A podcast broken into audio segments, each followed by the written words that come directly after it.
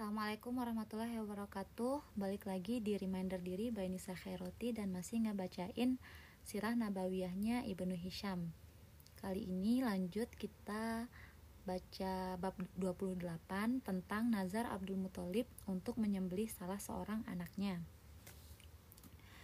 Ibnu Ishaq berkata, menurut banyak orang dan hanya Allah yang lebih tahu, Abdul Muthalib bernazar ketika orang-orang Quraisy menggali sumur Zam-Zam bahwa apabila ia mempunyai 10 anak kemudian mereka besar dan mampu melindunginya ia akan menyembelih salah seorang dari mereka untuk Allah di samping Ka'bah. Ketika anaknya genap 10 dan ia mengetahui bahwa mereka mampu melindunginya ia kumpulkan mereka dan menjelaskan nazarnya serta mengajak mereka menetap, menetapi nazar tersebut untuk Allah. Mereka menaatinya dan berkata apa yang bisa kami kerjakan Abdul Muthalib berkata, Hendaklah setiap orang dari kalian mengambil dadu, kemudian menulis namanya di atas dadu tersebut. Kemudian kalian datang kepadaku. Mereka mengerjakan apa yang diperintahkan Abdul Muthalib. Setelah itu menemui, menemuinya. Kemudian Abdul Muthalib membawa mereka ke patung Hubal yang berada di dalam Ka'bah. Dadu di samping Hubal dan apa yang diperbuat orang-orang Arab di dalamnya. Patung Hubal terletak di atas sumur di dalam Ka'bah Sumur tersebut adalah tempat dikumpulkannya apa yang mereka sembahkan untuk Ka'bah. Di sisi patung Hubal terdapat tujuh dadu dan pada setiap dadu terdapat tulisan Al-Aqlu, diat denda atas darah. Al-Aqlu pada saat itu, jika orang-orang Quraisy berselisih, tentang siapa yang berhak menanggung tebusan, mereka mengocok ketujuh dadu tersebut. Jika yang keluar al-aqlu maka diat harus ditanggung oleh orang yang keluar namanya pada dadu tersebut. Di antara dadu tersebut terdapat tulisan Naam untuk satu hal yang mereka inginkan. Apabila mereka menginginkan sesuatu, mereka mengocok kotak, da kotak dadu. Jika yang muncul adalah dadu yang bertuliskan naam atau ya, mereka mengerjakan apa yang diinginkan. Ada pula dadu yang bertuliskan le, yang artinya tidak, jika mereka menginginkan sesuatu, mereka mengocok dulu. Apabila yang muncul adalah dadu yang bertuliskan le, mereka tidak mengerjakan apa yang diinginkan. Ada pula dadu yang bertuliskan mingkum. Ada yang bertuliskan mulsak, ada tulisan min goirikum dan al-miyahu.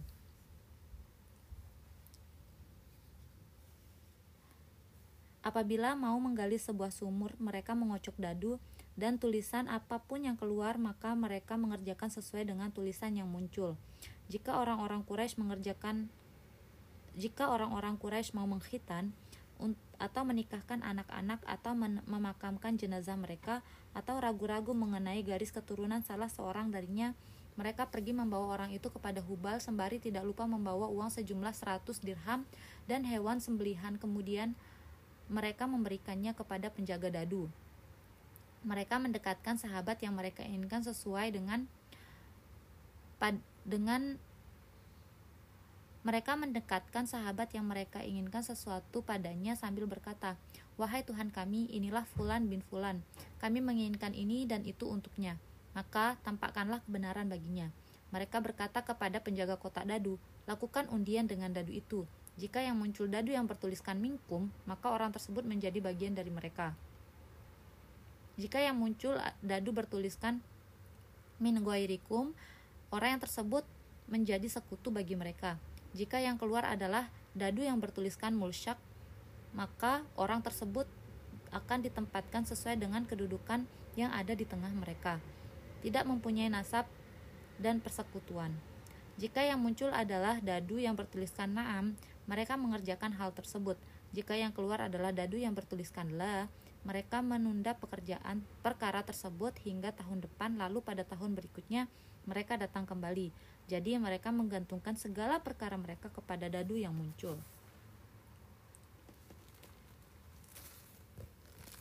Abdul Muthalib men mengamati anak-anaknya untuk menyembelih salah seorang dari mereka. Abdul Muthalib berkata kepada penjaga kotak dadu, "Undilah anak-anakku sesuai dengan dadu mereka." Abdul Muthalib menjelaskan nazarnya kepada penjaga dadu. Kemudian penjaga dadu membuat dadu untuk masing-masing anak Abdul Muthalib. Abdul, Abdullah bin Abdul Muthalib adalah anak bungsu Abdul Muthalib. Ibu Abdullah Zubair bin Abu Thalib adalah Fatimah binti Amr bin Aids bin Abdul bin Ab bin Imran bin Makhzum bin Yakozah bin Murrah bin Ka'ab bin Luwai bin, bin Golib bin Fihr.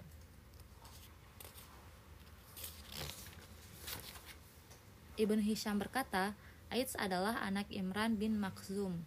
Ibnu Ishaq berkata, menurut sebagian pakar, Abdullah merupakan anak yang paling dicintai oleh Abdul Muthalib. Abdul Muthalib memandang jika ternyata dadu mengenai dirinya maka ia akan disisakan. Ia adalah ayah Rasulullah Shallallahu Alaihi Wasallam. Dadu keluar atas nama Abdullah. Ketika penjaga kotak dadu mengambil kotak dadu untuk mengadakan undian, Abdul Muthalib bangkit dari duduknya kemudian berdoa kepada Allah di samping patung Hubal. Sementara penjaga kotak dadu mengocok kotak dadunya dan dadu keluar atas nama Abdullah. Abdul Muthalib menggandeng tangan Abdullah dan mengambil parang, kemudian membawa Abdullah ke patung Ishab dan Nailah untuk disembelih. Penolakan orang-orang Quraisy. Orang-orang Quraisy bangkit dari balai pertemuan mereka dan menemui Abdul Muthalib. Mereka berkata, "Apa yang engkau inginkan wahai Abdul Muthalib?" Abdul Muthalib menjawab, "Aku akan menyembelih Abdullah." Orang-orang Quraisy dan anak-anak Abdul Muthalib berkata kepadanya, "Demi Allah, engkau tidak boleh membunuhnya untuk selama-lamanya hingga engkau bisa memberi alasan untuk tindakanmu ini. Jika engkau bersikeras menyembelihnya, maka setiap orang akan menyembelih anaknya." Jika demikian, apa artinya manusia seperti itu? Mugirah bin Abdullah bin Amr Mahzum bin Yakozah berkata kepada Abdul Muthalib, Demi Allah, engkau jangan menyembelihnya hingga engkau bisa memberi alasan untuk penyembelihannya. Apabila ia harus ditebus dengan harta, kita akan menebus, menebusnya dengan harta. Orang-orang Quraisy dan anak-anak Abdul Muthalib berkata kepadanya, Jangan teruskan keinginanmu, bawalah ia ke Hijaz, karena di sana terdapat dukun wanita yang mempunyai teman jin. Tanyakan kepadanya dan engkau harus patuh pada keputusannya. Apabila ia menyuruhmu menyembelih anakmu, engkau harus menyembelihnya.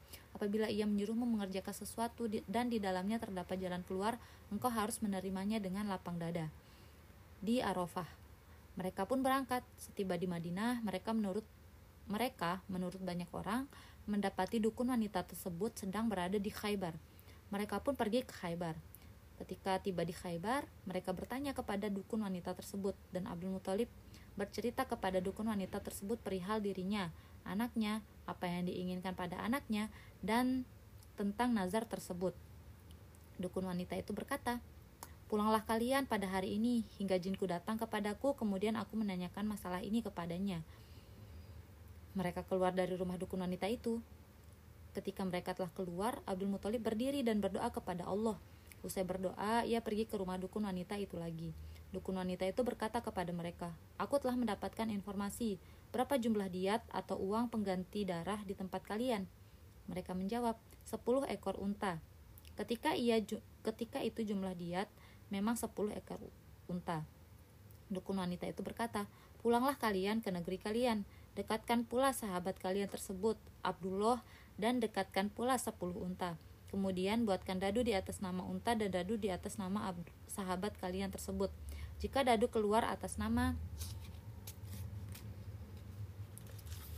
Jika dadu keluar atas nama sahabat kalian, maka tambahkan unta hingga Tuhan ridho kepada kalian. Jika dadu keluar atas nama unta, maka sembelilah unta tersebut sebagai ganti sahabat kalian, karena Tuhan telah ridho kepada kalian dan sahabat kalian telah selamat. Abdullah selamat. Mereka pun pulang, setiba di Mekah, mereka sepakat untuk menjalankan perintah dukun wanita tersebut. Abdullah Muthalib eh, Abdul Muthalib berdiri dan berdoa kepada Allah. Mereka mendekat, mendekatkan Abdul, Abdullah dan sepuluh unta. Sementara Abdul Muthalib tetap berdiri dan berdoa kepada Allah Azza wa Jalla di samping patung Hubal.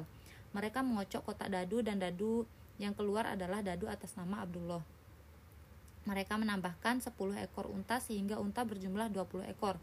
Abdul Muthalib tetap berdiri dan berdoa kepada Allah Azza wa Jalla. Sementara mereka mengocok kotak dadu dan dadu yang keluar adalah dadu atas nama Abdullah. Mereka menambahkan 10 ekor unta lagi hingga unta berjumlah 30. Abdul Muthalib berdiri dan berdoa kepada Allah. Sementara mereka mengocok kotak dadu dan dadu yang keluar adalah dadu atas nama Abdullah. Mereka menambahkan 10 ekor unta lagi hingga unta berjumlah 40 ekor.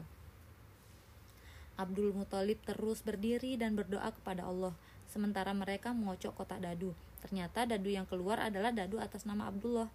mereka menambahkan 10 ekor unta lagi hingga unta berjumlah 50 ekor. Abdul Muthalib berdiri dan berdoa kepada Allah. Sedang mereka mengocok kotak dadu. Ternyata dadu yang keluar adalah dadu atas nama Abdullah.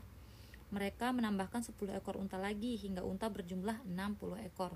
Abdul Muthalib berdiri dan berdoa kepada Allah sedang mereka mengocok kotak dadu. Ternyata dadu yang keluar adalah dadu atas nama Abdullah. Lalu mereka menambahkan 10 ekor unta lagi hingga unta berjumlah 70 ekor. Kemudian Abdul Muthalib berdiri dan berdoa kepada Allah sedang mereka mengocok kotak dadu. Ternyata dadu yang keluar adalah dadu atas nama Abdullah. Mereka menambahkan 10 ekor unta lagi hingga unta berjumlah 80 ekor. Kemudian Abdul Muthalib berdiri dan berdoa kepada Allah sedang mereka mengocok kotak dadu. Ternyata dadu yang keluar lagi-lagi adalah dadu atas nama Abdullah. Mereka menambahkan 10 ekor unta lagi hingga unta berjumlah 90 ekor.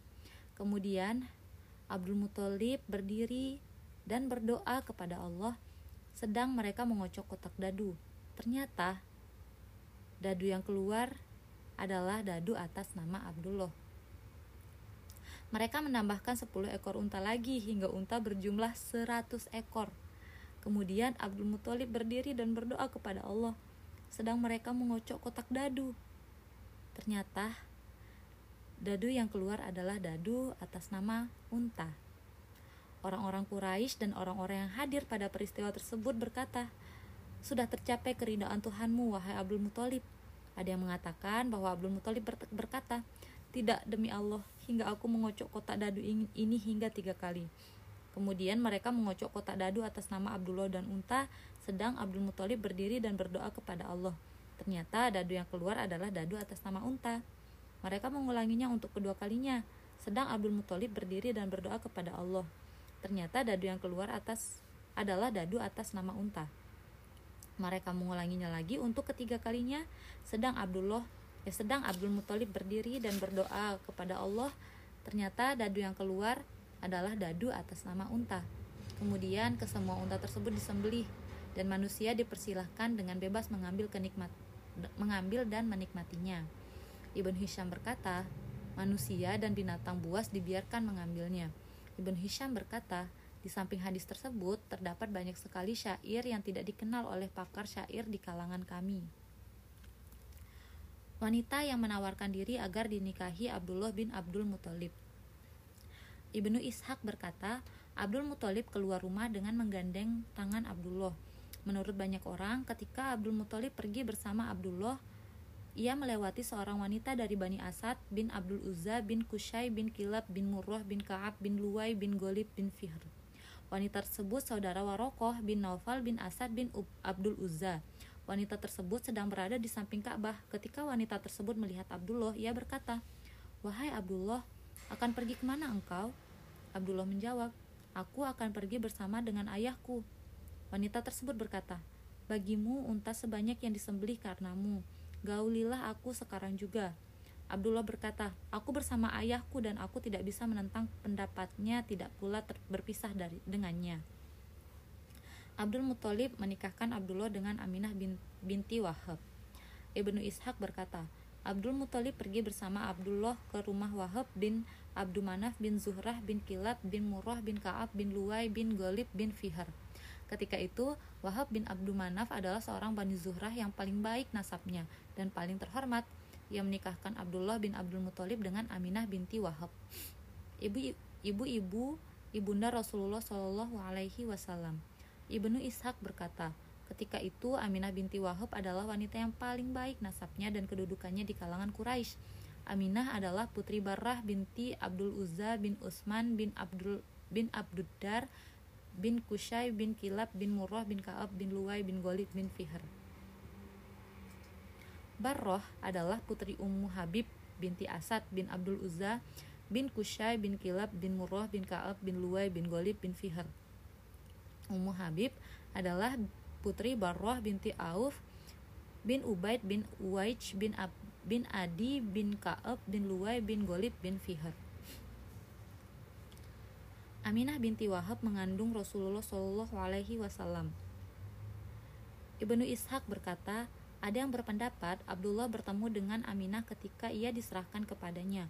Abdullah berhubungan dengannya, kemudian Aminah mengandung Rasulullah Shallallahu Alaihi Wasallam. Setelah itu, Abdullah keluar dari rumah dan pergi ke rumah wanita yang menawarkan dirinya untuk menikah dengannya. Abdullah berkata kepada wanita tadi, "Kenapa engkau tidak menawarkan nikah kepadaku sebagaimana engkau lakukan kemarin?" Wanita tersebut berkata kepada Abdullah, Cahaya yang ada padamu kemarin kini tiada lagi, ia telah lenyap, maka kini aku tak lagi tertarik padamu. Wanita tersebut pernah mendengar dari saudaranya Warokoh bin Naufal, pemeluk agama Nasrani yang mengikuti kitab-kitab. Ibnu Ishak berkata, Abu Ishak bin Yasar berkata kepadaku bahwa ia diberitahu Abdullah bertemu dengan seorang wanita yang ia cintai selain Aminah binti Wahab. Sebelumnya, Abdullah bekerja di tanah miliknya hingga tampak bekas-bekas tanah padanya. Abdullah mengajak wanita tersebut untuk menikah dengannya. Namun wanita tersebut sangat lambat merespon Abdullah sebab ia melihat bekas tanah di dalam tanah di badan Abdullah. Abdullah pun segera keluar dari rumah wanita tersebut kemudian ia berwudu dan membersihkan tanah yang melekat di badannya. Kemudian dengan sengaja ia pergi ke rumah Aminah dan melewati wanita tersebut. Wanita tersebut mengajak Abdullah menikah dengannya. Namun Abdullah tidak meresponnya dan tetap tetap pergi ke rumah Aminah. Abdullah masuk kepada Aminah dan menggaulinya. Kemudian Aminah mengandung Rasulullah Shallallahu Alaihi Wasallam. Tak lama kemudian Abdullah berjalan melewati wanita tersebut dan berkata kepadanya, "Apakah engkau tertarik kepadaku?" Wanita tersebut menjawab, "Tidak, tadi engkau berjalan melewatiku sedang pada kedua matamu terdapat warna, warna putih. Aku pun mengajakmu namun engkau tidak merespon ajakanku. Kemudian engkau masuk pada Aminah, lalu warna sinar putih itu sirna bersamanya." Ibnu Ishak berkata, Orang-orang berkata tentang wanita yang berkata kepada Abdullah yang berjalan melewatinya, sedang di kedua mata Abdullah terdapat warna putih seperti warna putih di kuda. Ia berkata, Aku pun memanggil Abdullah dengan harapan warna putih tersebut menjadi milikku, namun ia tidak menggubris panggilanku. Ia masuk kepada Aminah lalu menggaulinya. Kemudian Aminah mengandung Rasulullah Shallallahu Alaihi Wasallam. Dengan demikian Rasulullah Shallallahu Alaihi Wasallam adalah orang Quraisy yang paling baik nasabnya dan paling terhormat baik dari jalur ayah maupun ibunya. Oke, sekian untuk bab 28 dan kita masuk ke kolom eja. Nah, di sini kata-kata yang mungkin sepertinya sering didengar ya kayak naam, la itu mm, uh, sudah biasa di ini ya. Terus uh, untuk tadi ada kata al-aklu nah ini uh, tulisannya itu al terus petik a q l u. Ini yang artinya diat atau denda atas darah. Jadi untuk membayar denda apa biar biar nyawanya nggak diambil jadi dibayar diatnya gitu.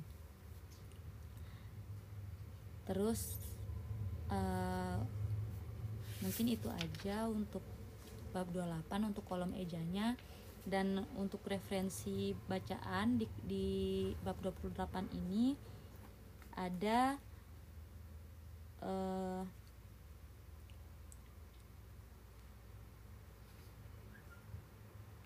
At-Tabaqat Al-Kubro Nihayatul Arab Syarah Al-Mawahib Ar-Raud Al-Anf Sirah Ibnu Kasir Tarih At-Tobari Ansab Al-Ashraf al-bad al-badwat tarikh.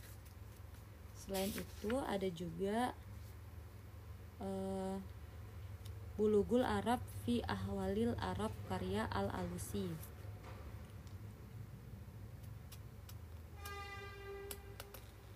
Ini tentang apa peristiwa dadu itu ya. Terus ada lagi buku Ar-Raud Ar-Raud Al-Anf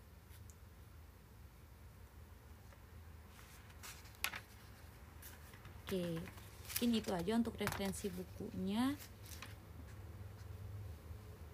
Sekian dan terima kasih. Bila ada kesalahan itu berasal dari saya dan kemudian kalau ada manfaat yang bisa diambil itu semua semata-mata dari Allah Subhanahu wa taala. Sampai ketemu di bab 29. Assalamualaikum warahmatullahi wabarakatuh.